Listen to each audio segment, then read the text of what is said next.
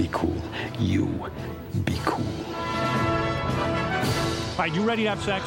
Use a good kiss. We come in peace. We come in peace. You are the motherfucking Antichrist! We're gonna let you go, okay? Ok. Film er best på radio. I'm gonna make him an offer he can't refuse. Nova Noir.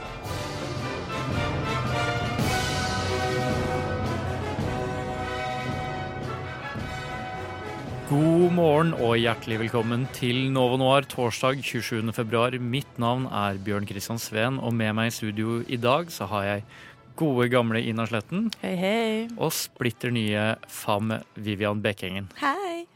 Eh, ja, det blir forhåpentligvis en ganske morsom eh, sending i dag, med masse synsing, sannsynligvis litt diskusjon. Hovedtemaet i dag er dårlige filmer som vi liker. Det må ikke forveksles med filmer som er så dårlige at vi liker dem, eh, men den diskusjonen kommer vi tilbake til. Eh, Vi skal også konkurrere litt i kritisk kunnskap, og vår kjære Hanna Holm Aune har laget en homasj til hamsteren sin. Eh, Men før det så skal vi snakke om hva vi har sett i det siste, og før det igjen så skal du, kjære lytter, få høre en av mine A-listefavoritter, Kombos med Boom Shakalaka. Nova Noir. På Radio Nova.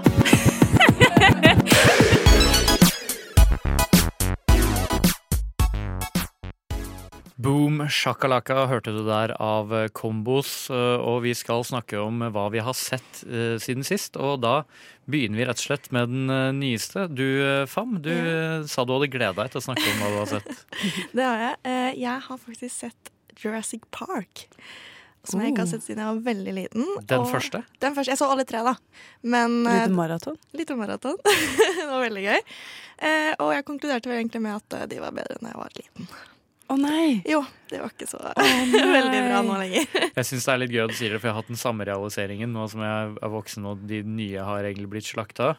Eh, så er det sånn Ser de gamle igjen, så er de, Altså, de er, bygger egentlig på samme formelen, alle Ja. sammen. De har egentlig alltid vært så Det Ja. gjør det. Nå høres det ut som vi snakker om Star Wars, for det er jo akkurat det samme. Sånn.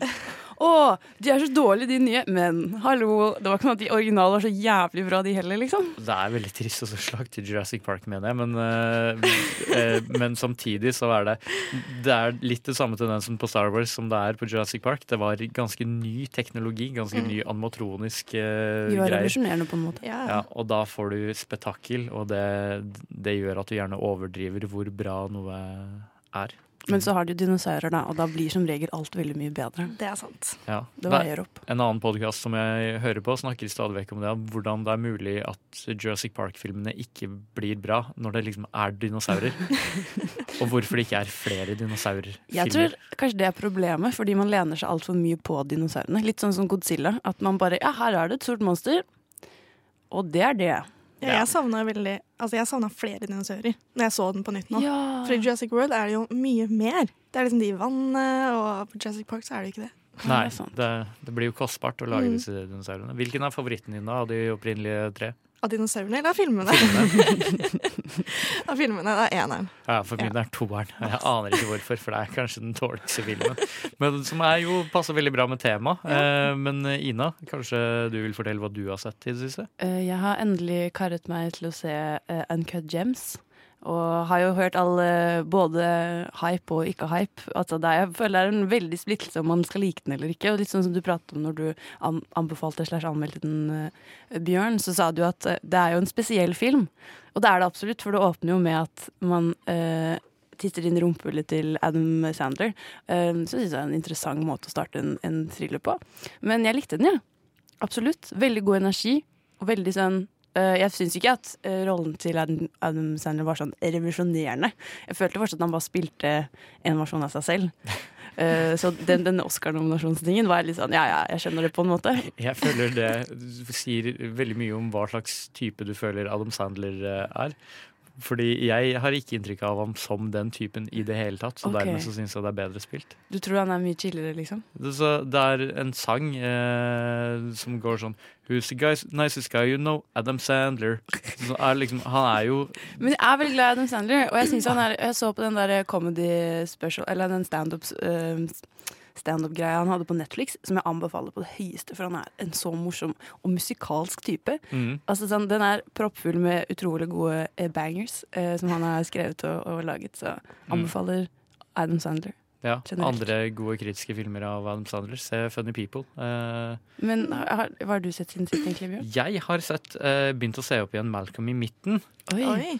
Og det kanskje og Malcolm Mitten, som handler om eh, genigutten som vokser opp i en eh, arbeiderklassefamilie. Eh, jeg tror det er arbeiderklasse. Jeg tror ikke det er nedre middelklasse. Jeg tror det er arbeiderklasse.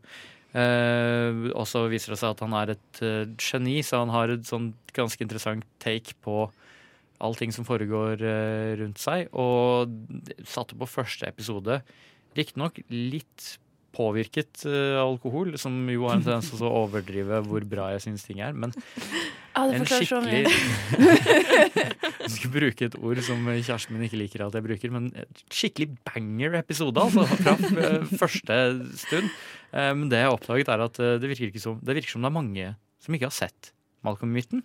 Jeg følte det var sånn som gikk på TV, men som du egentlig aldri så på. Ja, Det gikk jo hver dag, liksom. Ja. Etter skolen. Så gikk det jo på TV-en. Jeg er veldig har- bevisst over Malcolm in Midden, men jeg har aldri sett på det. Dere har ikke sett på det? Jeg har sett det. Du har sett Ja, på det? Ja. Jeg synes det er dritbra. Kunne du tenke deg å se det opp igjen? Nei. Det er veldig spesifikk serie å se på nytt igjen, Bjørn. Men jeg skjønner egentlig det, fordi uh, jeg heller tenkte ikke egentlig på å se det opp igjen. Men da jeg først gjorde det, så var det altså det var bedre. Det var mye bedre enn jeg huska til og med. For jeg tok ikke alle vitsene da jeg var liten, så det er mye mer å gå på nå. Så jeg anbefaler alle som ikke har sett det, eller eh, de som, og de som har sett det, å få tak i det og se det på nytt. Jeg tror du enten må få tak i det ulovlig eller kjøpe DVD-er, men eh, det er verdt det. Hvilken bruker du? Eh, jeg låner av noen. Ja. Via nettet. det er teknisk sett lovlig. Um, ja, det var vel eh, egentlig det vi eh, trengte å si om det. Eh, nå skal du få høre uh, Tiny Butt med Jazz Emu. Du hører på Nova Noir. Eh, sangen Tiny Butt av Jazz Emu hørte du eh, der, og jeg tenkte siden vi har deg her, Fam Ja. Fordi du er jo ny, ikke sant? Det er sant? Det er din første sending. Ja. Så tenkte jeg at vi skulle bare bruke et øyeblikk på å så prøve å bli litt bedre kjent med deg. Mhm. Så da har jeg jo lyst til å bare liksom stille deg noen filmspørsmål. Er du, er du klar for det? Jeg er klar. Ja. Vi, vi liker deg uansett. Okay, men det er Det er ikke noe feil svar her. Okay. Vi Er du sikker? Nei, Bjørn! Men ja, så eh, for å bare kicke det off. eh, hvilke temaer er det du er opptatt av når du ser film? Uh, ja. Uh, jeg vil ikke si tema, men kanskje sjangere er mer, for å si det riktig. Mm. Jeg er veldig glad i veldig mye forskjellig. Men kanskje drama, thriller og gjerne krim syns jeg Mhm. også er veldig bra. Men jeg klarer ikke å se på actionfilmer. Jeg klarer ikke. Klarer ingen actionfilmer? Altså, jeg kan se på dem, men det gir meg ingenting, da, hvis du skjønner hva jeg mener. Ja, Det, det blir for kjedelig. det er eh, sånn jeg har det sjøl med skrekkfilmer. Det, Jeg får bare ikke så mye ut av det. Med mindre det er med et veldig bra tema. Det her har for så vidt du og jeg snakka om. Ja. At uh, jeg syns Babadook Babadook Er, er bra. mm. Så du har ikke noen actionfilmer som du eh, liker? Mm, nei, ikke så, kanskje Expendables fordi det er Sylvester Stallone, liksom. Men ikke noe mer. Det er et veldig godkjent svar. Veldig bra. i min bok. Ok. Men uh, hva, hvis du skulle liksom plukke en film, eller kanskje filmer, som du føler beskriver deg litt, eller noe ved deg, har du noen uh... Ja, jeg har tenkt på det. Mm. Um, jeg tenkte egentlig på Love Actually. oh. Jeg, for det første, jeg elsker den filmen, men samtidig så er det jo da så mange karakterer i den filmen som jeg kan kjenne meg igjen i. Jeg kan stå akkurat sånn som Hugh Grant og danse på gulvet helt alene. Blir kjempeflau hvis noen ser meg, men samtidig dytte litt i det. og så er det liksom alltid klisjé, romantisk opplegg. Jeg elsker det. Håper ikke mannen din er utro med deg, da. Nei, det får ikke håpe. det hadde vært litt dumt. Det kan bare være sånn eh, følelsesmessig utroskap, der bare holder plakater eh, Ja. opp. Og så, ja. Det er ikke helt greit det heller, da. Nei, det er ikke Eh, Ja, men uh, og uh, fordi Kan vi snakke litt om hva du studerer? Ja, For du går jo et litt interessant studie som er ganske relevant. Hva er det du studerer? Jeg studerer et helt nytt studie studium i- eller i fjor sommer da, som heter Screen Cultures. Mhm. Eh, hvor vi da studerer eller forsker på hvordan skjerm påvirker oss i dag, og hvordan skjerm skal påvirke oss i fremtiden. Som er veldig, veldig kult. Veldig aktuelt. Mhm. Før man ikke prater nok om det, egentlig. Ja, absolutt. Så nå har jeg da teknologi og politikk og alt rundt skjerm skal jeg da innom. Som Mm. er veldig kult. Føler du det studiet påvirker hvordan du ser på film? Ja, Eller det er iallfall det jeg tok bachelor i, har påvirka. For jeg tok jo i medievitenskap. Mm. Og jeg er egentlig håpløs å se film sammen med. Det er vel alle i noir, egentlig. Kanskje. Kjempevanskelig å se på film med. Alltid kritisk, kan aldri kose seg. Ja. Uh, ja. Da har vi lært oss å kjenne FAM litt, og da kan vi egentlig gå videre og så få høre eh, ah, Fader. Birgitta Alida med 'Stay Up'. Du hører på Nova Noir. Hey, who do you think you are, anyway? Answer me, or I destroy you! Det var nydelige 'Stay Up' av Birgitta Alida, som du fikk eh, høre der. Og nå skal vi over i, dagens tema, rett og slett. Og for å kicke det opp, så, så skal vi introdusere det litt, diskutere på litt eh, generelt plan. Eh, Og jeg kan begynne med å bare sånn si hvorfor skal vi snakke om gode, dårlige filmer?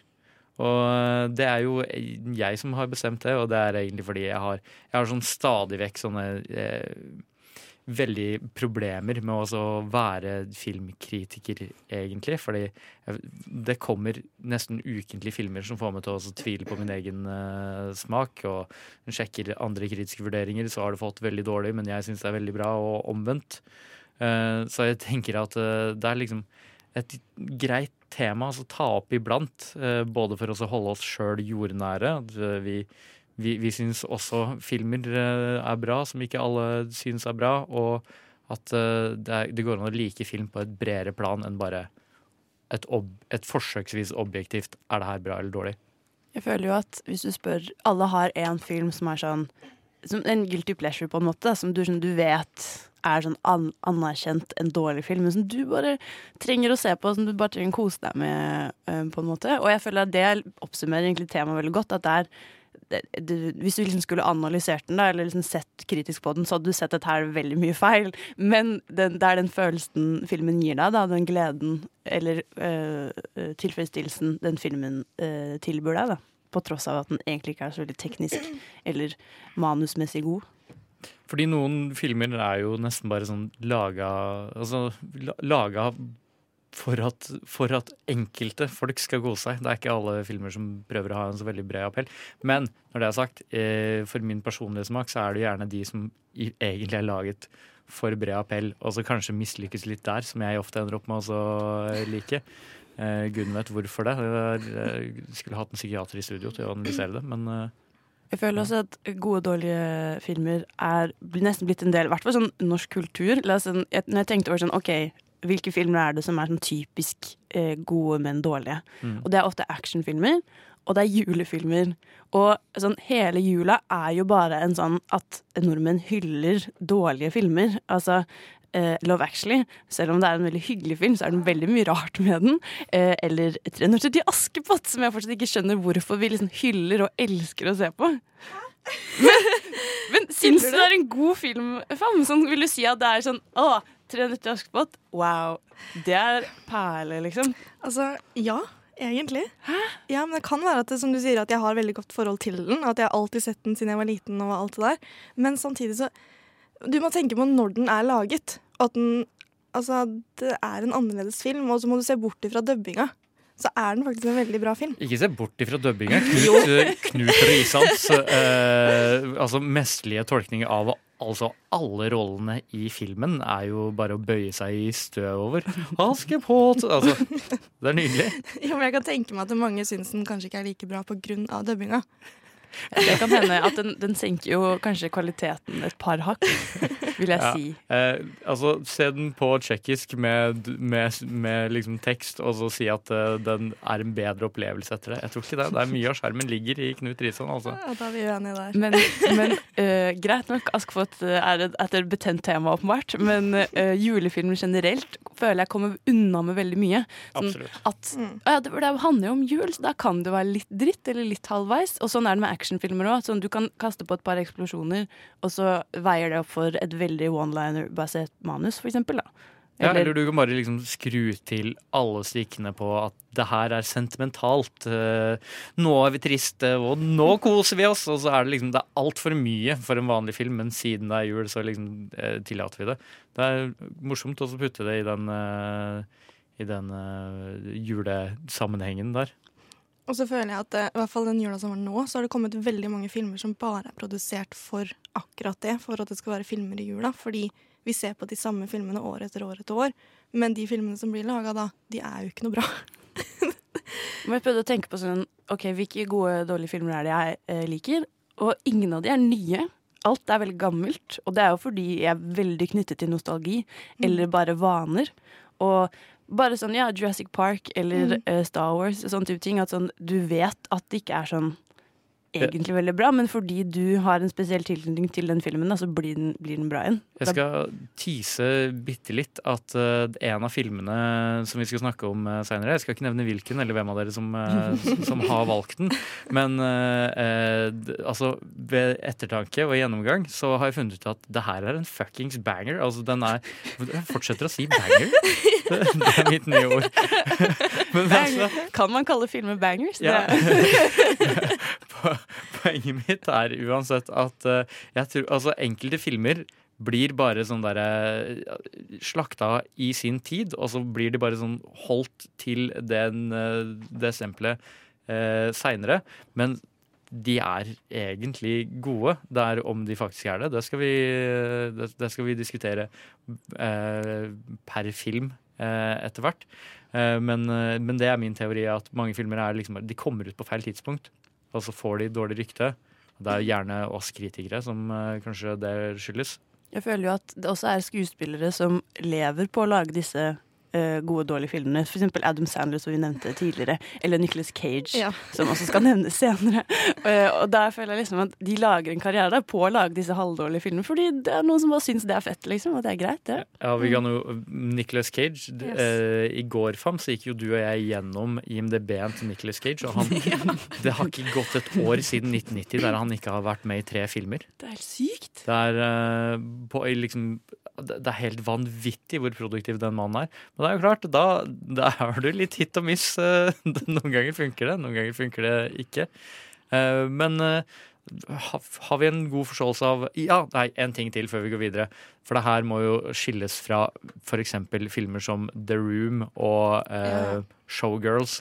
Filmer som ikke er gode selv om de er dårlige, men som heller er så dårlige at de blir gode. Det er ikke det vi skal snakke om i dag.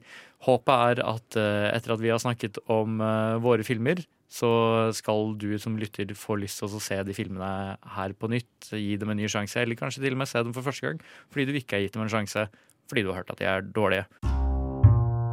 Nova Noir. Janos eh, med sin sticky, stick, sticky sticky der. Og vi skal over på altså, diskutere den første bra, dårlige filmen. Og det er jeg som har eh, valgt ut eh, den. Og det jeg har valgt, er eh, Hugh Jackman-bangeren Van Helsing.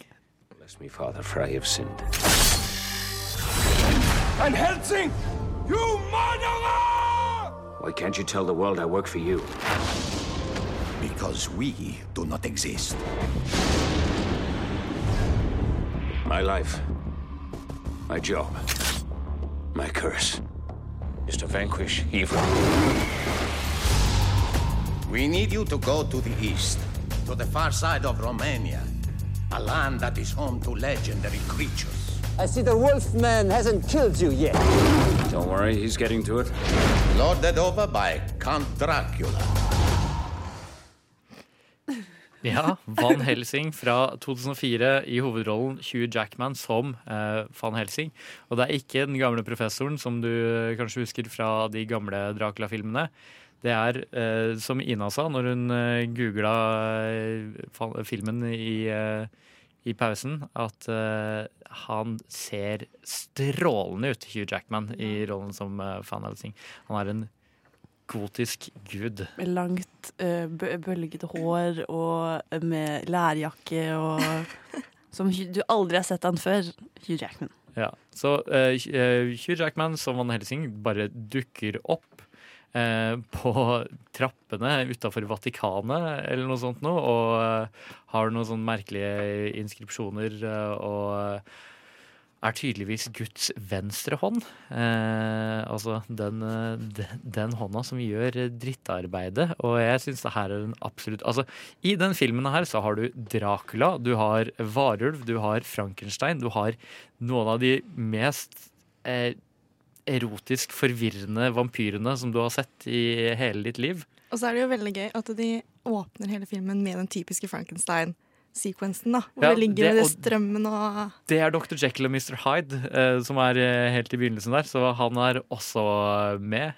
Eh, og det er, altså, jeg, det er ingenting i den filmen her som jeg ikke liker. Jeg liker stemninga, jeg liker kostymene, jeg liker eh, musikken. Jeg er veldig, veldig trist over at eh, den ikke fikk bedre m- medfart da den kom ut. Det høres ut som et utrolig rotete konsept. At det er liksom verken Ok, Van Helsing, greit, men her har de liksom blandet inn alle av de liksom klassiske skrekk... Eller hva heter de? Pennyworth-karakterene. det virker jo bare veldig ut som en eller annen fanboy har liksom bare kastet alt sammen inn i en gryte og, og kokt det sammen. Og det har jo vist seg at det kanskje er en sånn derre Det er ikke noe som folk egentlig liker, tydeligvis. For den gikk jo i den League of Extraordinary Gentlemen-fella, som er, jo har stort sett de samme karakterene, og som også floppa som tullete. Det som gjør meg virkelig trist, er at det er helt tydelig på den filmen her at den, det er egentlig meningen at det skal være en film til, i hvert fall. Og antageligvis så skulle det være en hel serie med Van Helsing-filmer. Og det ble jo ikke noe av. Men du, Fam, Ja. du så den jo for første eh, gang i går. Det gjorde jeg. Og er det en bra film, eller er det en dårlig film? Skal jeg være ærlig? Ja, vær, vær helt ærlig. Altså, når jeg, jeg måtte ta en pause halvveis. Å, ja. Og Fordi du var så dårlig? Ja? Den var så langtekkelig. Og så spurte jeg Og så spurte jeg samboeren min hvor lenge er det igjen. Og da var det en time igjen. Ja, fordi den varer i to, eh, to timer og ti minutter, og det er ganske lenge for en film fra 2004.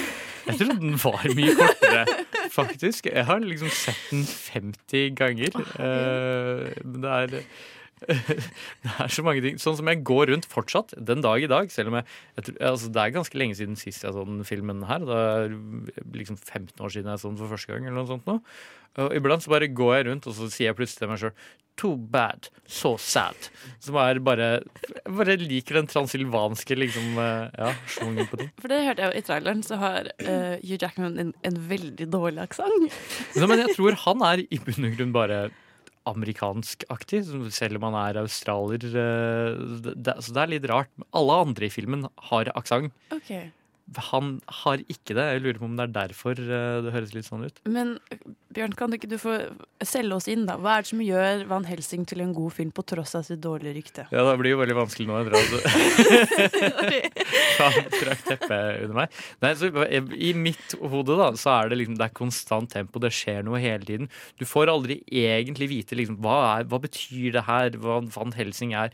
eh, Guds venstre hånd. Du vet ikke hvor gammel han er. eh, og det er, du vet ikke hvor lenge han har vært i Vatikanets tjeneste. Så liker jeg heller en greie med at Vatikanet har en sånn secret service som jakter monstre og, og sånne ting. Eh, der Richard Roxburgh som eh, count Vladislaus Dracula syns jeg er han, er han er mektig, han er imponerende. Jeg kjøper han som en eh, udødelig demon. eh, Liksom. Det er mange ting eh, som, som jeg liker. Altså, jeg er veldig enig i det du sier. Men det var konstant noe som skjedde, og det var alltid sånn actionfylt, og det skulle være dramatisk. Og, Og du har jo sagt at du ikke liker actionfilmer. Ja, men eh, litt senere i filmen så får du vite litt mer om historien til vampyrene, og at de var i slekt med hundejenta og litt sånn. Og da er det faktisk han som spiller Faramir i Ringens herre. Han spiller også den filmen her. Og det er han som liksom forklarer alt det her. Og det var veldig bra, Mm. men det kom altfor sent. Ja, kanskje. Da var du liksom lei, liksom. Da hadde jeg jo tatt pause allerede. Ikke sant? Ja, den, den, øh, fortsatt når jeg ser den den dag i dag, så, liksom, så blir jeg veldig nysgjerrig på allting som ligger bakom. Og Frankensteins monster er jo med, og han er jo liksom sånn typ superhyggelig. Og, Ja, så og så, så, så trist karakter for liksom hele bygda prø dreper liksom faren hans og prøver å drepe han, og han har aldri gjort noen noe galt. Og, bare, det er så mange elementer som jeg bare trigger på. Hvordan er Hugh Jackman sin prestasjon, da? Jeg syns han, altså til tross for at eh, det er Altså, han burde ikke Bare gjør han Bare la han være australsk, bare la han ha australsk aksent, så kanskje det blir litt mindre rart. Men han, han er jo dritkul.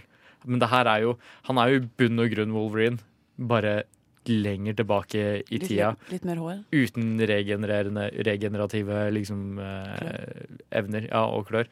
Han har masse, masse kule sånn steampunk-våpen som jeg liker veldig godt. Han har sånn motorsag, eh, kastestjerner og eh, alt mulig rart. Det er Hvilket, hvilket, hvilket år, eller sånn årstall er det det foregår på?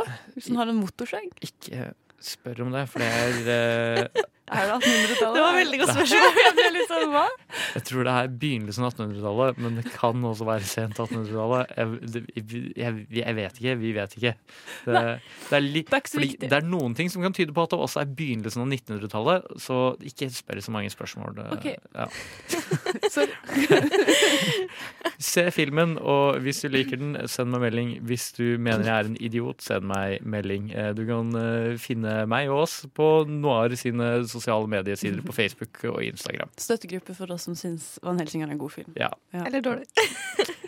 Hvis du er altså, For jeg tror aldri jeg har møtt noen andre som faktisk liker den filmen. Eh, Så hvis du er den ene, send meg en melding, og så kan vi snakke om eh, Van Helsing. Du lytter til Nova Noir på Radio Nova.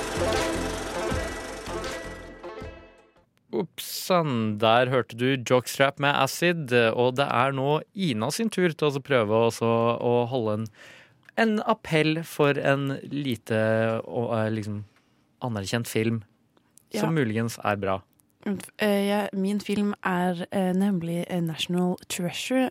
filmen hvor historiker Nicholas Cage er, han er skatt, skattejeger, og han har lyst til å finne ut hva som han, eh, skjedde med familien sin, og han vil liksom gjenopp... Han liksom OK. Han har lyst til å finne denne utrolige skatten som familien hans har liksom, eh, fablet om i, i mange, mange år og blitt mobbet for. Og så finner han ut at kartet til denne skatten er på baksiden av uh, Hva heter den? The Declaration of Independence. Og etter det så blir det bare tidenes heistfilm. All his life, Benjamin Gates has searched for a treasure no one believed existed. Don't you get it, Ben? The treasure is a myth. Dad, I refuse to believe that. But what he thought was the final clue 108 years of searching, and I'm three feet away. is only the beginning. The Declaration of Independence. You think there is a treasure map on the back of the Declaration of Independence? The map is invisible. Oh. Why would we make this up? Where's your proof? We don't have it. Riley, get down! Og grunnen til at jeg har valgt National Treasure, er fordi det er en film som står eh, utrolig eh, nært hjertet mitt. Eh, det er en film jeg og familien min så altfor mange ganger mens vi vokste opp. Men jeg har jo forstått i ettertid at dette har jo, blant annet filmen har blitt en meme på nettet. Og Nicholas Cage generelt, som vi pratet om, er jo ikke anerkjent som være sånn den beste. Og jeg føler også da at National Treasure er jo litt sånn Når du hører liksom plottet, så blir jeg litt sånn OK, hvem var det som foreslo denne filmen? Og jeg vil gjerne se hvordan man klarte å pitche den også. For det er et helt sykt konsept. Altså, ja, OK, vi skal stjele det mest øh, sånn, det mest bevoktede dokumentet i USA og øh, lage en morsom film ut av det. Jeg, jeg syns egentlig det er et ganske godt plott. Jeg må også nevne at National Treasure kom ut i 2004, samme år som Van Helsing. Så eh, historiebaserte manus var tydeligvis eh, noe vi Ah. gikk etter. Litt forskjellig type historier. Jo da. Men eh, jeg så opp igjen den filmen her eh, i går, og eh, det er en strålende film. En banger. Ja, det er en regelrett banger. Det er, jeg, altså, jeg forventa, og så liksom, jeg satt og venta på at det skulle bli dårlig. Det ble ikke dårlig. Den er jo kjempebra. Det, jeg husker når jeg så, så den, så var det bare sånn Å ja, det er Disney som har laget den! Og jeg ble helt sånn Det er helt vilt at Disney har laget den, for jeg føler den er Selv om jeg ikke den, Jeg føler ikke at den er så barnevennlig egentlig, selv om den absolutt er det. Det la jeg også merke til her om dagen. Jeg så det var Disney. Jeg bare, herregud. Det er så rart å tenke på, liksom. At Vet du hvordan du vet at det er Disney?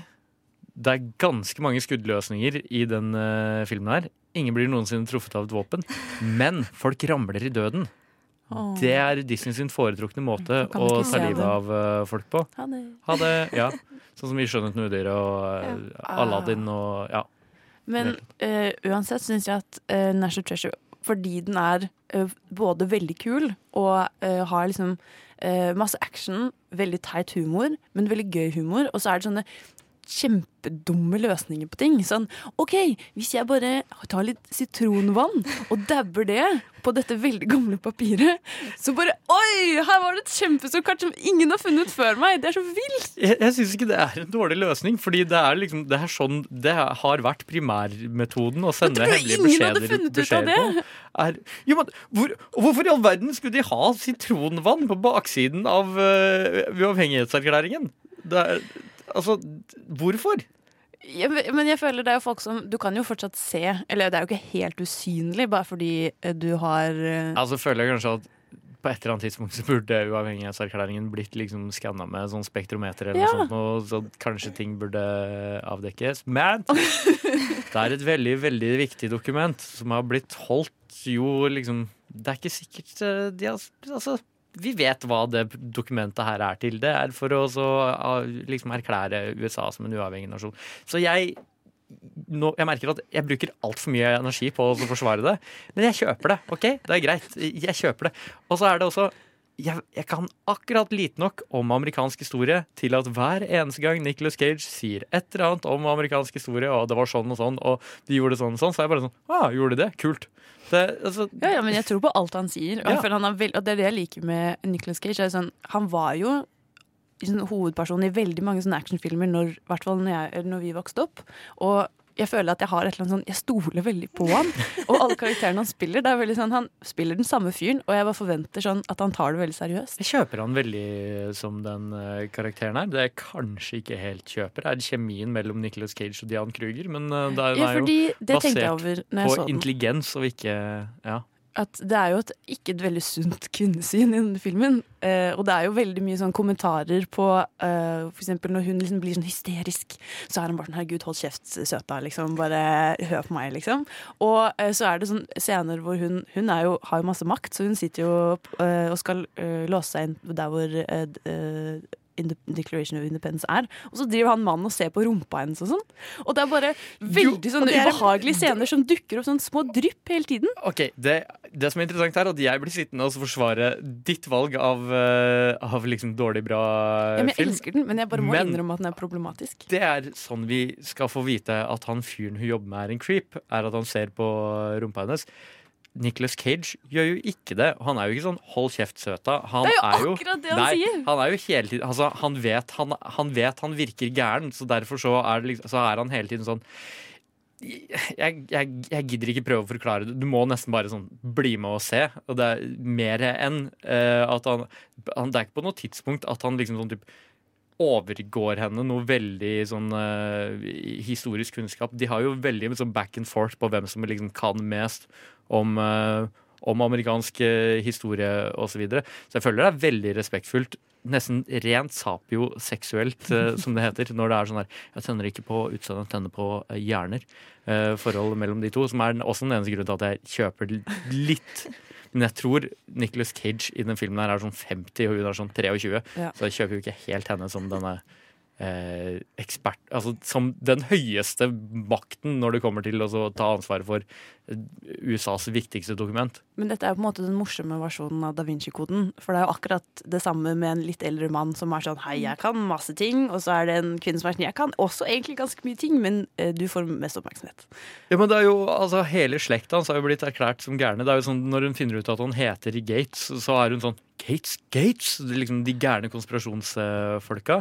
Og det er også en veldig fin scene med eh, John Voight, eh, som eh, spiller faren til Nicholas Cage her. Som liksom da de eh, får lurt skurkene, og de liksom finner skatten. At det var liksom Du har rensa hele familienavnet. Og det, det er veldig hyggelig.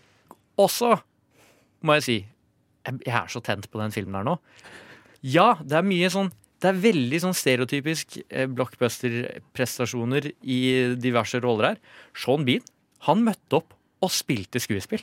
Sean Bean er en god skuespiller Jeg i den glemte at det var Sean Bean. Jeg. jeg ble sånn, Vent, hvor har jeg sett deg før? Å, det er Sean Bean! Han er jo helt altså, Han er jo dritflink. Han er kjempeflink. Ja. Men ja, i hvert fall. Kanskje det var ikke en film som folk ikke, ikke liker, da. Jeg bare føler at jeg får veldig mye motgang når jeg har sagt at jeg liker National Treasure. Er, jeg liker jo veldig godt å gå inn på uh, Rotten Tomatoes uh, for å finne ut hva folk syns om ting. Jeg, det funker ganske bra. Det her er nesten definisjonen på en god og dårlig film, syns jeg. For den har 46 eh, på kritisk score, og så har den 76 på publikumsscore. Ja.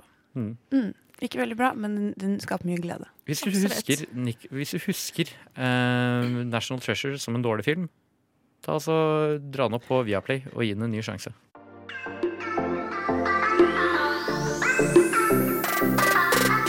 Du lytter til Nova Noir her på Radio Nova.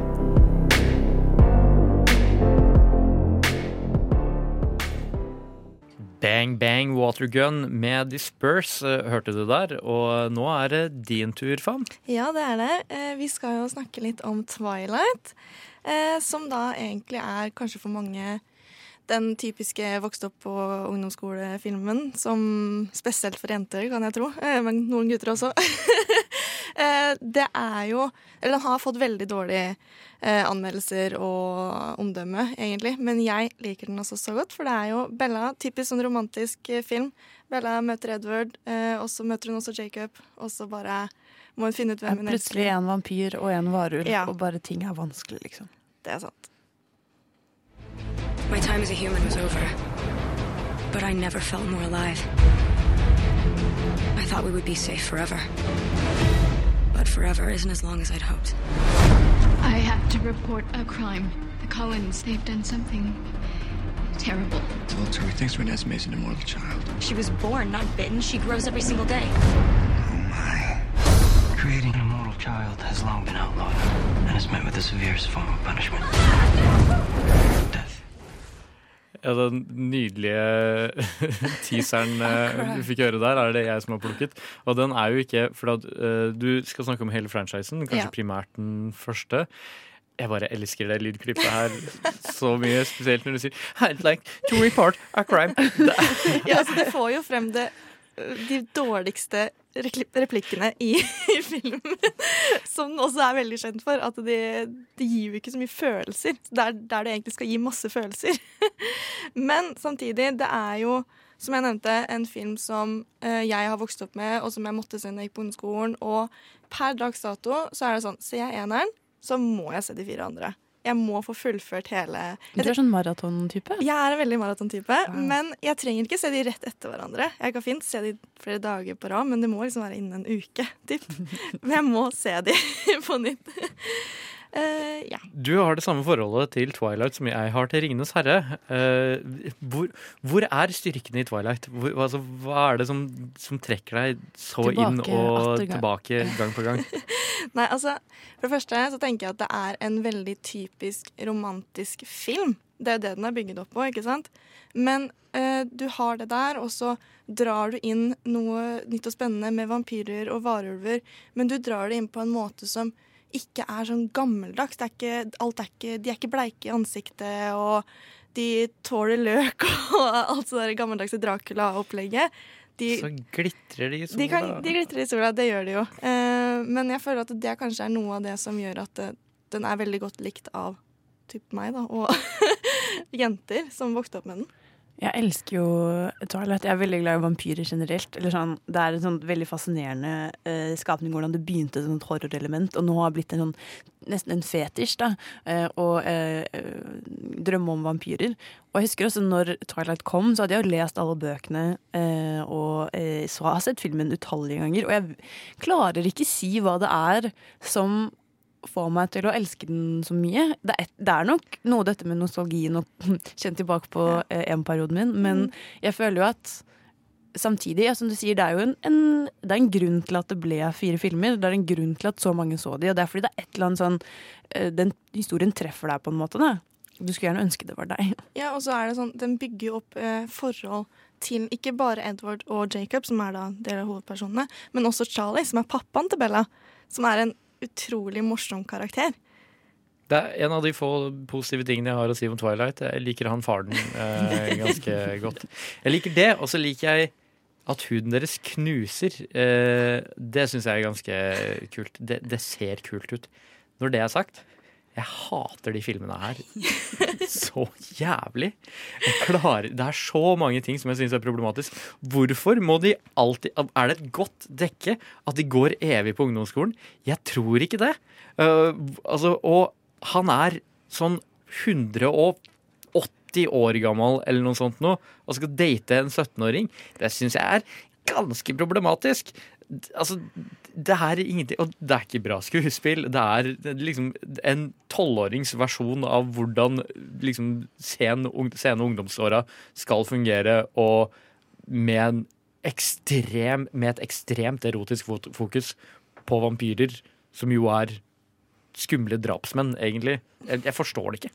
Altså, jeg skjønner jo hva du mener, og eh, altså, jeg kan jo se det litt fra det perspektivet også, fordi hvis du tar bort hele vampyrgreia, så er det jo litt, så er jo Edward litt creepy. Han, det er jo scener hvor han bare sitter og ser på henne. Det er en, Se for at hun sover og sånn. ja, det er en egen Han bare sekvens hvor han kommer inn på rommet hennes og bare står og ser på at hun sover. Det er en egen sekvens, og de sitter i natterfagtimen, hvor bare han sitter og ser på henne. Og så er det også Det, det her er en sånn gjennomgående sånn gang på gang-trope at eh, gutt møter jente, jente møter gutt. Og så er en av dem av uforklarlige grunner bare sånn utrolig negativt innstilt eh, til den andre. Og det er liksom sånn typ, Det er tydeligvis sånn sunn forelskelse burde begynne, er med umiddelbart hat. Eh, Nå får vi jo liksom Jeg, jeg vet at vi får vite seinere at han kan ikke lese tankene hennes. Han har en sånn uimotståelig dragning til henne og har komple kom, liksom problemer med seg sjøl og sånne ting. Men jeg skal ikke slakte den helhetlig. Jeg, jeg satte den på, begynte og så skal jeg prøve å se på den på nytt. Og når eh, Fordi jeg har jo, har jo litt sånn derre problemer med Patman, som jeg kaller han. Robert Pattinson.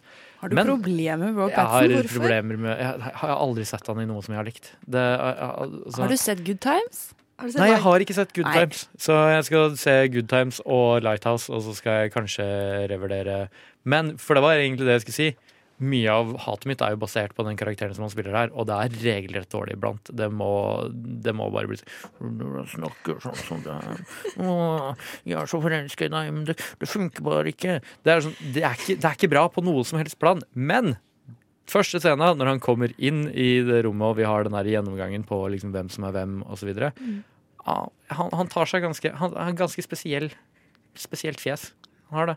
Jeg innser jo at uh, Kristen Stewart og jeg var jo egentlig forelsket i Kristen Stewart i alle filmene. Jeg brydde meg egentlig veldig lite om hvem hun endte opp sammen med, for jeg bare elsket Kristen Stewart. Og jeg, liksom, jeg har kjempet så mye for henne siden Twilight, fordi det er så mange som har liksom stilt henne for hat og bare var sånn Vet du hva, hun er så kjedelig. Og så er jeg sånn, vet du hva, det er det kjedeligste meningen man kan ha, å mene Kristin Stewart bare har ett ansikt. Det er så sykt kjedelig. Det er Og den kjedeligste er så- meningen man kan ha fordi det er så åpenbart sant. Nei, for det er så sykt typisk. Sånn, det er aldri som du hadde sagt det til en, en mann, at han er bare sånn, ser ut som den samme fyren hele tiden.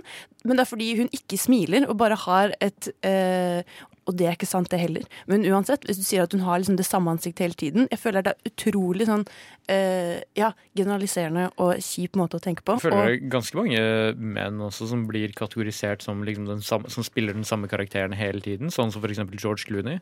eh, Keanu Reeves, for eksempel, har Keanu det samme ansiktet har- hele tiden, og, han får aldri høre I det. 15 år så ble Keanu Reeves kritisert for å være døll og lite liksom, uttrykksfull i ansiktet. Han var tidlig ute på å få den kritikken eh, der. Han, Ja. han er den åndelige liksom, eh, forfaderen Men til Kristen karrieren hans ble ikke ødelagt fordi han ble kritisert for det. Han fikk fortsatt masse filmer. Det har tatt veldig lang tid for Kristen Stewart å komme tilbake inn i Det filmverdenen. tok, altså I ti år så fikk ikke Ti år etter eh, liksom, den siste Matrix-filmen, så fikk nesten som, det, det var et intervju med Keanu Reeves der det liksom ble spurt om hvorfor han jobba så mye i indie. Og han var sånn Det er ingen Jeg får ikke jobber i blockbustere. Jeg må jobbe i indie, for det er bare de som vil ha meg. Så jo, karrieren hans har også slitt ganske mye.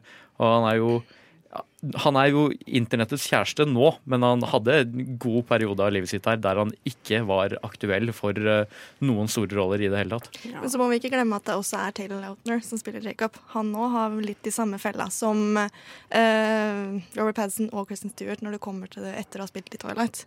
Og han det- har ikke kommet seg, faktisk. Ikke så veldig. Ikke veldig, og det syns jeg er ganske trist, for han er en, jeg synes han er en ganske god komedisk skuespiller. Eh, sånn som i The Ridiculous Six, eller hva faen den filmen heter. Mm. Egentlig en Adam Sandler-film. Egentlig ganske dårlig. Til Lautner. Kjempemorsom i den. Ja, han spiller en liksom veldig enkel fyr, men han gjør det med god innlevelse. Og, ja. Så jeg skulle gjerne sett egentlig Taylor Lautner i flere ting. Og Robert Pattinson i litt færre ting, kanskje. Enda mer ting. Enda mer Robert Pattinson. Ja. Vær snill. She's got a great spike, huh? I'm Jessica, by the way. Hey, you're from Arizona, right? Yeah. Aren't people from Arizona supposed to be like really tan? Yeah. Maybe that's why they kicked me out. You're good. Nova Noir vet å sette pris på godt manus. That's so funny. Og det var nydelige Du med Kristine Bø. Og eh, nå eh, skal vi få et eh, innslag. Det har seg dessverre sånn at Hanna Holm Audnes eh, kjære hamster Kusko gikk bort. Og i den anledning så har Hanna laget en slags homasj til, til sin kjære Kusko. Hei, jeg heter Hanna, og i dag har jeg lyst til å fortelle deg en liten historie. For to år siden bodde jeg og samboeren min i en liten hybel utafor Oslo. Litt vel langt unna venner og alt som studentlivet tilbyr, bestemte vi oss for at vi skulle få et lite tilskudd til familien vår. Vi ønsket oss en liten venn som ikke tok for mye plass i hybelen, men som ennå kunne gi oss glede i hverdagen. Dette er historien om hvordan vi fikk oss en liten hamster.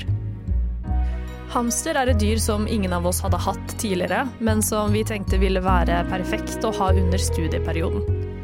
Vi fant til og med en oppdretter som holdt til i Oslo, som på denne tiden hadde et kull med gullhamstere som var ledig. Vi visste med en gang hvilken vi ville ha da vi leste navnet deres. Long ago, in a faraway land, a selfish emperor ruled. I'm so happy. He had everything he wanted. Tell me about it. She wanted everything he had. I'll just poison him with this. Where do you come from, little guy? No touchy. Ask him which way the talking llama went. Uh, squeakity squeak. Squeaking. Ah, he doesn't really want to talk to you. It's an Navnene som hamsterne hadde fått, var nemlig fra en av mine favorittfilmer, The Emperor's New Groove. Filmen om den frekke, arrogante keiseren som blir forvandlet til en lama. A lama? Yeah, weird. Filmen starter på alvor når keiserens rådgiver Ysma blir sparket. Over lengre tid har hun forsøkt å styrke sin egen makt i landet, noe Kusko ikke godtar lenger. Ysma blir da nødt til å legge en ondskapsfull plan for å bli kvitt keiseren en gang for alle. Ah, how shall I do it? I'll turn him into a flea. A harmless little flea. And then I'll put that flea in a box. And then I'll put that box inside of another box. And then I'll nail that box to myself. And when it arrives, I'll smash it with a hammer. Or, to save on postage, I'll just poison him with this. Take it, Kronk. Uheldigvis går ikke planen som ventet, og Ysmas Boytoy Kronk får ansvaret til å måtte kvitte seg med nå bevisstløs lamakeiser. For meg og kjæresten ble det et naturlig valg. Hamsteren oppkalt etter keiseren selv skulle få tronen sin i vår kjellerhybel. Vi brukte masse tid på å kjøpe et stort bur og mange leker, men karaktertro var Kusko veldig lite imponert. Han var tross alt den lateste hamsteren i sitt kull.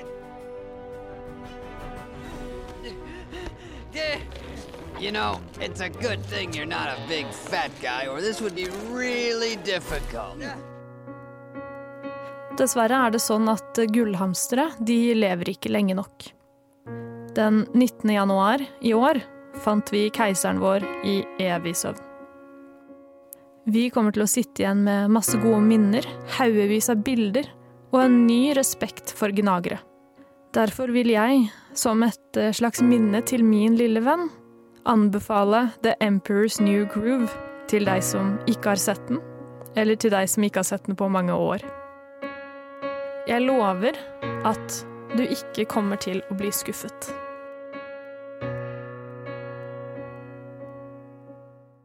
Beach Rip med Turkles eh, Sun hørte vi der, og det er eh, min tur igjen til å prøve å forsvare en litt dårlig eh, film. Og det her er kanskje altså, en av de mest undervurderte filmene de siste 150 årene. Eh, Klikk med Adam Sandler. Eh, en liten sånn fun fact der er jo at i Van Helsing, som jeg snakka om i stad, så snakka jeg jo ikke om et av hovedtrekkplastrene, som bare er eh, Kate Beckinsale. Kate Beckinsale spiller jo også eh, kona til eh, Bjørn blir litt sånn rød i kinnet bare av nevner navnet. Hun spiller jo kona til altså, Og det er, altså, det er vanskelig å kjøpe at Kate Beckinsale og Adam Sandler eh, er gift og har familie, men eh, det funker på en måte allikevel. Og Adam Sandler er jo en fyr som eh, i Klikk eh, som heter Michael Newman. Han er eh, arkitekt, og han syns ting noen ting tar litt for lang tid, andre ting eh, tar litt for kort tid. Eh, så kommer det så får han da på Bed Bath and Beyond, i Beyond-avdelingen, så møter han eh, en Christopher Walken-spilt Morty, som gir han en fjernkontroll, som gir han muligheten til å da spole og senke farten på tid og, og i det hele tatt. Og Adam Sandler misbruker jo den makta her til det ytterste. Og så viser det seg da at det er en, eh, det er en autofunksjon på den kontrollen. Så eh, når han begynner, da liksom spoler over enkelte ting, så spoler den automatisk over de samme tingene. Til det punktet at Adam Sandler plutselig er i framtida. Han har vært Altså, han har ikke deltatt i livet på godt og vondt, og har derfor markert seg som liksom en fraværende fyr. Uh, og har egentlig da bare gått glipp av livet sitt. Når du forklarer filmen på den måten, så høres det jo egentlig ganske spennende ut.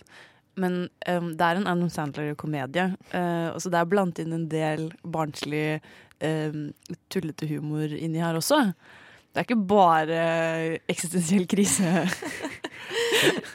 Jeg syns det er veldig veldig gøy når han ligger og våkner etter å ha hatt eh, kreft og vært i koma og har gått ned i vekt eh, i koma. Og har da den store flappen på magen, så han bare liksom flup, flup, flup. Og så spør Kate Beckinsale om han kan slutte med det, og så sier han It's my flap, I'll do what it what I want. Så bare sånn Det, det, det er bra. Ja, det er en Adam Sandler-film. Men er- eh, ja, for det er kanskje derfor den er anerkjent som en Eller du mener den er undervurdert, og den er vel undervurdert nettopp fordi det er en Adam Sandler-film. Ja, fordi det som er, det som er eh, skjult her, er jo at det er faktisk en ganske god moral, ganske god historie her. Og det er noen, eh, noen veldig ektefølte scener, eh, blant annet i slutten av Mot slutten, der når faren til eh, Michael Newman, eh, spilt av eh, Henry Winkler, eh, dør, og han ikke liksom er til stede verken før eller i begravelsen og, og sånne ting. Og så helt mot slutten han springer gråtende ut i regnet fordi han liksom ikke har deltatt i eh, sitt eget liv. Og da lærer du som tilskuer at eh, ja, det er ikke allting som er digg, men du må være der for det gode, du må være der for det dårlige. Hvis ikke, så går livet deg forbi. Det er en ganske lur måte å, å lære bort den moralen på, da. eh, gjennom, for det er de som kanskje ser Adam Sandler-filmer Nå er jeg veldig Som- slem. som meg? Ja. eh, kanskje ikke eh, Kanskje ikke Ja, trenger den, de trenger kanskje den ekstra sånn eh, teskjeen da, gjennom komedier, sånn at de får inn litt, litt andre tanker også, da. Så det skader jo ikke med litt sukker med medisinen, eh, liksom. Ja, ja, absolutt. Men- Men, Fam, har du Eh, jo, nei, jeg bare tenkte på det. Jeg syns det er en veldig kul måte å gjøre en film litt annerledes. For det er jo veldig sånn typisk eh, man har fin kone, eh, barn og er veldig mye på jobb og sånn. Eh, og så får han denne fjernkontrollen, og jeg kjenner meg litt igjen. Jeg skulle gjerne satt, tatt, satt ting på pause iblant selv også. Så det er kanskje det de prøver å gi da med filmen, og det gjør den jo egentlig veldig bra. Syns jeg. Absolutt. Ja. Ja. Den treffer jo veldig godt. Altså, sånn det at du føler ikke at, at du ikke har nok timer i døgnet, eller øh, føler at øh, Og noen ting som du gjerne skulle bare kommet deg over. Det er ofte jeg er sånn, som i går, jeg flyttet i går, det har vært sånn jeg gleder meg så mye til, klok til kvelden, for da er jeg ferdig. sånn type ting. Det er litt deilig å bare hoppe over. Jeg, jeg, jeg, skal, jeg skal si det så sterkt som at eh, jeg, jeg føler meg nå eh, altså, Det er ikke sikkert andre vil vurdere det som det samme, men jeg føler meg som en fyr som er veldig flink til å ta kjipe situasjoner og så gjøre det til det beste. Og det tror jeg er helt og holdent på grunn av filmen Klikk. det er Den satte seg. Klikk fra 2006 revolusjonerte livet mitt. Men så hadde jeg hadde den på DVD, og, eh, så jeg har sett den ganske mange ganger. Mm. Også med en sånn bakom-ting. så det er jo bare Bakom ting. Ja, Som for eksempel at eh, hele regnværet er et stort sånt der regnsett. Ja. Og at de bygde Altså, det er inne på det fancy kontoret hans i framtiden når han er sånn superarkitekt, og så har han sånn der egen sånn counter, sånn automatisk counter som bare sånn produserer Voss vannflasker. At det ble bygd spesielt for filmen. Og så husker jeg allerede da at jeg tenkte sånn OK, men hvorfor det? det er, er ikke det ganske dårlig Du er arkitekt, er ikke det ganske dårlig plassbruk å ha ba, liksom et rom bare for Voss-flasker? Men Det jeg andre hadde syntes Voss-flasker så veldig sånn ut som det kom fra framtida. Hadde du noe du skulle si? Eh, nei, egentlig ikke. Jeg synes jeg er veldig enig i det dere sier. Jeg, jeg har ikke sett filmen så veldig mye, så eh, når du sitter og snakker om scener sånn, så kan jeg ikke helt kjenne meg igjen. Jeg burde absolutt se den på nytt. Jeg tror, altså, Det sitter ikke ordentlig før liksom, den 30. gangen du ser den. Ja, kanskje Er det- er det da verdt det? Ja, det er jo det! Du, du hører jo hva det sier. Du blir et bedre menneske og lever et bedre liv. Men kan du ikke se andre, kanskje litt bedre filmer er litt færre ganger? og det er akkurat det. Jeg vil heller bruke den tida på å se bedre og andre filmer. Det er det samme moral. Altså, Vil du underholdes, eller vil du bli et bedre menneske? Er uh, spørsmålet her da. Og du blir underholdt i klikk også. Det er mange gode vitser. Det er blant annet så er det veldig, veldig gøy når eh, altså, vår alles eh, Altså, jeg føler moderne tid, et, spesielt etter eh, Stranger Things og sånne ting, så er jo Sean Astin blitt vår felles liksom, stefar. Han er den gode stefaren, og han er også stefaren i Klikk. Nova Noir. Chillebeats i Beach Trip av Turco Sun eh, der. Og eh, Ina, det er din tur på nytt. Og eh, hva er din eh, nye Hva er ditt nye forslag for eh, en god, dårlig film? Jo, eh, nå valgte jeg jo en, en litt uh, heist uh, thriller-actionfilm tidligere. Og det, jeg fortsetter på actionkjøret, for jeg syns at, uh, som jeg nevnte tidligere, de kommer unna med ekstremt mye. Og jeg, jeg koser meg veldig i, i action, dårlig actionselskap. Og derfor vil jeg gjerne fremme eh, 1997 sin eh, Batman og Robin. Eh, laget av Joel Schumacher. Eh, handler jo om da Batman og Robin og deres oppdrag om å stoppe Mr. Freeze og eh, Poison Ivy. Mr. Freeze spilt av eh, Ja, fordi det er for det all, liksom Bare for å begynne da. Rollelisten til Batman og Robin er noe av det villeste. Arnold Schwarzenegger spiller Mr. Freeze. George Clooney er Batman. Chris O'Donnell er Robin. Og så har du Emma Thurman, Elisa Silver, eh, Silverstone. Det er bare veldig mange bra Det minst morsomme imponerende navnet du nevnte der, er liksom Chris O'Donnell, som eh, jo kanskje Ja, primært er er kjent for kjekt. Men det syns jeg er veldig gøy, fordi eh, Chris O'Donnell spiller Robin i Batman og Robin. Han spiller også Robin i Batman Forever. Men det er Val Kilmer som spiller Batman i Batman Forever. Det er for øvrig min favoritt-Batman-film etter, eh, etter liksom, eh, Bale-Batman-filmene. Eh, og så spiller han også Robin i Batman og Robin, men så er det bare bytta Batman, og så skal du liksom bare ikke tenke på det. Nei, nei. Robin er det samme. Og det er det, sånn, det som er det mest sånn uh, Som jeg elsker kanskje aller høyest med Batman Robin, er at det er uh, et, et helt fantastisk kostymedesign. Eh, alle draktene er helt loka. Eh, det er denne, for eksempel denne filmen hvor drakten til eh, Batman har nipler, som jeg også syns er veldig, en veldig fin detalj å legge til på, på en drakt. Og det er veldig mye farger, og for eksempel Uma Thurman spiller jo Poison Ivy. Hun har også et ganske dårlig, men eh, eh, fa- fargerikt kostyme. Eh, og det syns jeg er veldig gøy. Det er en veldig kreativ film med veldig mye artige løsninger. Men hvis vi skal liksom rette, rette fingeren mot enkelte ting som kanskje ikke gjør det så veldig bra Jeg vet hva du snakker om. Blant annet Uma Thurman, som, som i begynnelsen av filmen skal liksom portrettere en litt sånn kjedelig, nerdete Ja. kjemiker. Så det er liksom, hun har briller og Er det teit å bare ja, lavfrakk.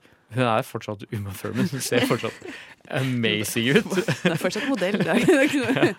Eh, men uh, altså Men sånn føler jeg alle Batman Det er sånn som når uh, Catwoman blir til, at hun faller ut av et vindu, og så er det masse katter som, eh, som omfavner henne. Mm. Det er også en Batman-sagaen har en vill måte å forklare skurkene sine på. Det syns jeg er veldig morsomt. Absolutt. Eh, og det er jo eh, Arnold Schwarzenegger som eh, Mr. Freeze.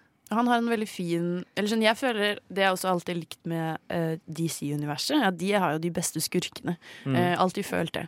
Og jeg føler også at Mr. Freeze, han er eh, hans historie Han vil jo bare få tilbake eh, kona si.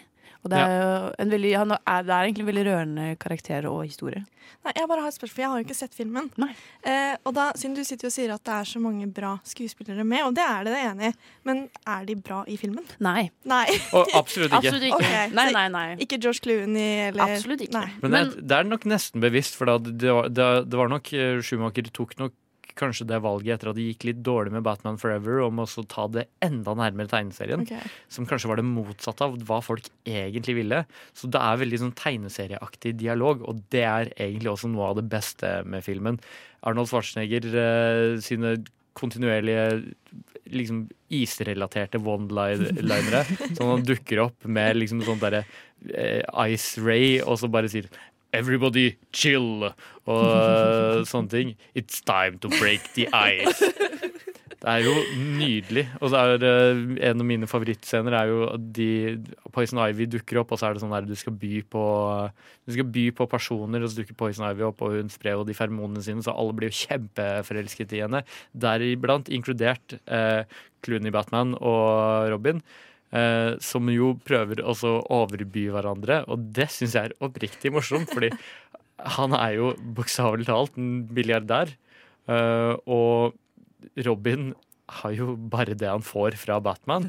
Er sånn der, men de kan ikke by mot hverandre. Og så, så sier liksom eh, Altså Batman byr, Robin byr imot, og så sier han you, you don't have You can't bid, you don't have any money. I'll borrow it from you. Og så høyner han bydet sitt en gang til, og så slutter det med at eh, Batman drar fram ikke Visa Black-cardet sitt, men Visa Bat-cardet sitt, komplett med logoen uh, på.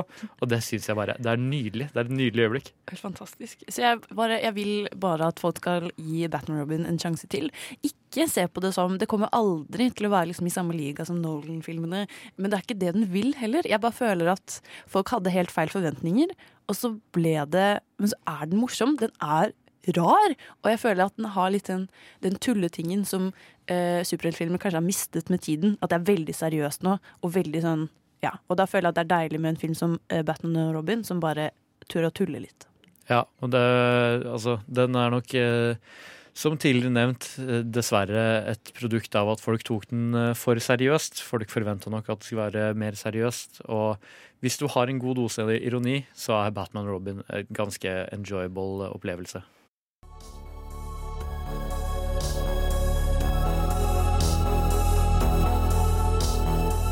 Du lytter til Nova Noir.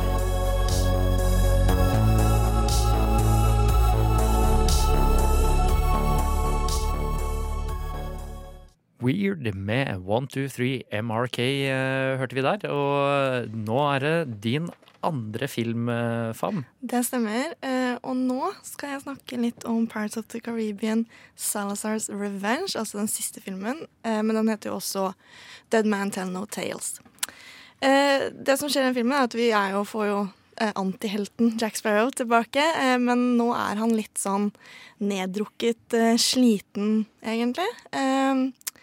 Og da kommer det opp at Salazar, som er en tidligere fiende av Jack, han, han blir sterkere når Jack blir svakere, da, på en måte. Det er det som er hele grunnlaget. Eh, og da kommer han mer til live, og så i tillegg til det her så er det sønnen til Will Turner, altså Orlando Bloom sin karakter. Han oppsøker eh, Jack Sparrow fordi han vil fjerne all ondskap som er i, eh, er i havet, for å hjelpe da Will Turner for å bli kvitt eh, David Jones sin forbannelse, ikke sant? Så ja, det er den filmen jeg har valgt å snakke om fordi eh, den er den har fått kjempedårlige anmeldelser. Men jeg syns det er så gøy, fordi den er jo laget av Rønning og Sandberg, som er to norske regissører. Og de tok eh, denne oppgaven på kjempefin måte. Fordi eh, fireren, det vet jo alle, den var drittdårlig. Ja, fordi du og jeg har snakka om det her før, Ja. og der eh, Altså, jeg og mange andre, tror jeg, ga opp å prøve å Ja. se den her fordi eh, fireren, Fountain of Youth Du kan bare Altså, det er så bortkasta tid å se den filmen der. Det skjer faen meg ingenting. Nei, jeg er helt enig, men det som er greia med femmeren, er jo det at du trenger ikke å ha sett fireren for å se femmeren. Du kan egentlig bare kaste fireren, og så kan du se én, to, tre og fem. Fordi femmeren gir en så sjukt god avslutning på hele historien, og det jeg liker veldig godt. Du får vite hvorfor Jack har kompasset sitt, hvorfor han er så glad i hatten sin, hvordan han fikk alle de tingene som liksom symboliserer Jack Sparrow. Det får en historie det er en historie bak, da, og det har å gjøre med Salazar. Og det er dritkult. Jeg sitter og ler nå, for det det er når du sier at han er veldig glad i hatten sin, at du får det forklart. Altså, jeg har jo på en måte skjønt at han er veldig glad i den hatten Ja. sin. Jeg har kanskje ikke skjønt at han er så glad i hatten sin, for han mister den jo hele Ja, tiden. Men hva er liksom grunnen til at folk ikke liker den, da? Nei, altså det er vel det at det er Mange sier at Jack Sparrow er så vant til den rollen, da. Eh, At han virker litt sånn nedslitt når han spiller noe. Men jeg syns jo det bare er kult, fordi hele filmen skal handle om at han er sliten. Så jeg syns det egentlig bare er teit at folk sitter og sier at eh, nei, Johnny Depp burde ha lagt opp eh, den Jack Sparrow-rollen for lenge sida og alt sånt der. Og så er det vel det at det er en Disney-film som er sånn middel-type-film, ikke sant? Og da får den dårlige anmeldelser, vil jeg tro. Og så føler jeg at den bærer, bærer jo litt på at en, eh, eh, de første tre er så høyt elsket. Mm. Og da er det liksom Forventningene er veldig høye også til hva, hva man burde bli, få levert. da Mm. At den kanskje lider litt av det. Ja, og så er det jo det at eh, når den, i fireren så var jo ikke Orlando Bloom med. Det var, Will Turner var jo ikke, det var ikke snakk om han nesten engang i fireren. Men så kommer han nå, og siden eller da, så skulle han være med i femmeren. Og folk var jo så glade, for de savna jo den Elizabeth Will-kjemien. Men så ble folk kanskje litt skuffa, fordi han er jo bare med sånn fem minutter i starten Mm. og på slutten. Mm. Så det er, han er egentlig ikke med mer enn sånn ti minutter. Nei. Og for meg så var det veldig stor skuffelse også. Eh, men sønnen hans er jo da med, og de prøver jo da å lage en slags ny romanse med hun nye jenta og sønnen til Will. da. Men de, de klarer det ikke helt på samme måte som eh, Elizabeth og Will, mm. syns jeg, da. Er det litt samme greia at hun liksom er sånn rik eh, startup-jente? Nei. Eh, nei, eh, hun, er, eh, hun er ikke rik, hun er sånn middelklasse kanskje. Hun går i veldig pene kjoler, og sånn som Elisabeth gjorde. Men hun studerer eh, verdensrommet. Og det tror jo ikke de andre på. Nei. Eh, så det er det som er greia. Hæ? Studerte verdensrommet da? Det Ja. Så hun, de tror hun er heks, ikke sant? Ja. Ja, for det var det jeg tenkte sånn Ikke bare er hun kvinne og studerer på Mm. tidspunktet, men hun studerer også noe som folk flest ikke tror ja. ja. Så hun er veldig opptatt av stjernebildet, da. Fordi hun skal jo finne en Tritons Fork, eller hva det heter. Eh, og da sier hun da må vi, Navigasjon. ja, så da må vi følge stjernene der. For det har jo pappaen hennes lært henne. Eh, som vi også får vite senere i filmen. eh, men en ting som jeg også må si, er jo det at eh, Javier Bardem Jeg vet ikke om det uttales riktig, Ja. men han spiller jo Salazar, og han er en veldig flink skuespiller og passer ypperlig til den rollen. Og det er også det den, Det er derfor han liksom har landa litt sånn midt på tre, fordi kritikerne sier at det, det er han som drar den opp, mens Johnny Depp drar den ned. Ja, det er jo på det tidspunktet her, så det er nok også noe av det som jeg tror har trukket ned den filmen her, er jo at eh, altså det personlige livet til Johnny Depp har jo vært mye dekt i media. Jeg har jo sjøl liksom lest det der mye omtalte intervjuet med han fyren som bare bodde hos han i to dager eller en uke, eller hva Mm. det var for noe, og som egentlig bare beskrev han som en stakkarslig fyr omgitt av gribber. Ja. Uh, som egentlig ikke Han vet ikke Han vet ikke hvordan leve som et normalt menneske lenger, og eh, ja, så han var jo helt krise på tidspunktet. Det intervjuet hvor han snakket om at man bare burde helle LSD over Gazastripen. Nei, men eh, Eller jo, kanskje. Jeg tror det. Ja. Hvor han også forteller hvor mye vin han drikker om dag, Ja, det, ja, sånn. det er veldig langt, og han skryter av veldig rare ting. Veldig rare ting. eh, Og sånn, ja. ja, Hell LSD på Gazastripen, det høres ut som eh. Johnny Depp. Han mente at det hadde løst uh, ja, krig, og, krig og konflikt. Vi har ikke prøvd. Ja. Men jo, det, også er det viktig å få fram at uh, jeg anbefaler veldig sterkt at dere skal se den filmen. Det, jeg syns den er en kjempebra film. Som sagt, trenger ikke se fireren. Eh, men femmeren den gir eh, veldig mye av det humoristiske stikkene til Johnny Depp. Du får se, Husker dere Gibbs? Han er kompisen til Jack. Yeah. Han litt runde, korthåra. Ja, han, er veldig, han er veldig sentral i denne filmen her også, og det er veldig godt å se. Kult. Ja. Jeg ble egentlig veldig overbevist nå, fordi jeg bare ikke Fordi jeg, siden jeg elsket de første tre så mye, og så så jeg fireren og bare herregud, hva Jeg, jeg var, er dette for noe? fordi jeg var dum nok at jeg dro og så så den på kino. Fireren? Og det, ja, Ja. og altså, det var ikke bare Jeg ikke bare ikke likte den, jeg ble fornærma. Ja. Liksom en sånn typ, jeg, jeg vet ikke hvordan Jeg har aldri gått ut av en kino før. Jeg var farlig nærme der. Og jeg tror den eneste grunnen til at jeg ikke bare forlot salen, var fordi jeg var liksom med noen. Som jo også hata den, men vi på en måte liksom bare holdt oss Det var, to, altså det var kjipt. Det var slemt gjort å, å sette opp den filmen på kino. Er bra det er nordmenn da, som har rettet opp uh, ryktet til Paradise Caribbean. Absolutt. Eller prøvde i hvert fall. Da. Absolutt. Jeg, jeg elsker den filmen. Det, så drit i fireren, se femmeren. Du hører på Nova Noir. Flammerammer av patina hørte du der, og vi, nå skal vi over i det litt mer lekne hjørnet. Vi skal teste eh, liksom sånn type kritisk oversikt. Eh, Vi skal sjekke om vi eh, har greie på den generelle kritiske konsensusen på filmer. Eh, jeg må bare innrømme at det her er en lek som jeg har blant annet stjålet fra en annen eh, podkast eh, som heter Poolboy Radio. Men jeg føler liksom det er en såpass jeg, jeg, ikke, jeg tror ikke de kunne trademarka leken uansett, og jeg syns det var veldig gøy å høre på. Så derfor skal vi gjøre det nå. Så måten det fungerer eh, på, er egentlig at eh, jeg gir dere noen filmer, og så gir jeg dere en prosent, og så skal dere gjette over, under, eh, på om den har fått mer eller mindre enn det jeg sier. Og eh, den som får flest poeng til slutt, den vinner. Hva vinner man? Da vinner du min respekt. Ah. Ja, det, er, verre- det er mer Men det den kommer jeg ikke til å få uansett. den som taper, kommer jeg aldri til å snakke med igjen. Så det er mer å unngå å tape. nei! Vi skal begynne med storfilmen Aladdin fra 2019. Ah. Ah. Mm. Og det er, det er veldig viktig å presisere. Det er kritisk score her, det er ikke publikumsscore. Okay, okay. Eh, hvis det er interessant, så kan du nevne publikumsscoren også, for det er litt sånn morsomt på noen eh, av eh, de her. Eh, og da sier jeg 53% Skal vi si om det er mindre eller høyere? Ja, Tror dere har fått mer, eller tror dere den har fått mindre? Jeg tror den har fått mer. Jeg tror den har fått mindre. Riktig. Den fikk 57 Så det er ett poeng til Ina. Uh, vi skal over på neste film, som er uh, Indiana Jones and the Kingdom of the Crystal Skull. Har dere sett den? Ja, Indiana Jones 4, da. Ja. Den med Shia LaBeouf. Ja. Ja. Har dere sett den? Ja. Så jeg sier 70 oh. Har den fått mer? Har den fått mindre? Mindre. Mindre? Var det 71? 70. 70? Eh, jeg tror den har fått mer. Den har fått mer! Nei, er det sant? Indiana Jones og The Kingdom of the Crystal Skull har en kritisk score. Den filmen som alle husker fordi den var så jævlig dårlig, har fått 78% kritisk eh, score. Da har vi 1-1 der. Neste film er Interstellar fra 2014. Oh, wow. Eh, Christopher Nolan-filmen. Da sier jeg 80% Mer. Mindre. Da vant Ina den runden.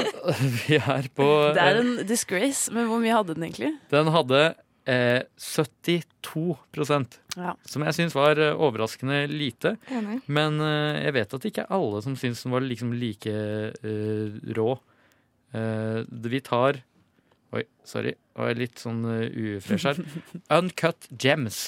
Oi. Over eller under 90% Over. Over. Det var det poeng til begge to.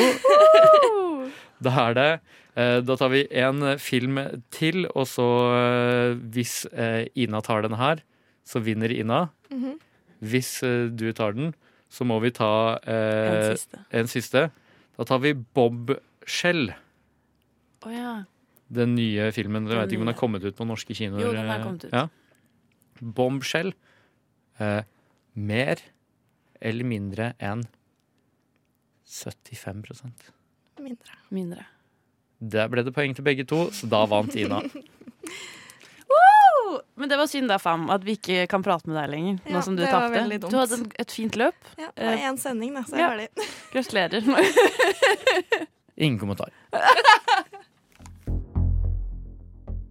Hei, dette er Trond Espen Seim, og du lytter til Nova Noir. Jeg har en skikkelig banger der fra MC Habit eh, med spola tilbake, skrevet med tre x-er. Eh, I dag så har vi snakket om filmer som går for å være dårlige, som vi liker eh, veldig godt. Vi håper Mm.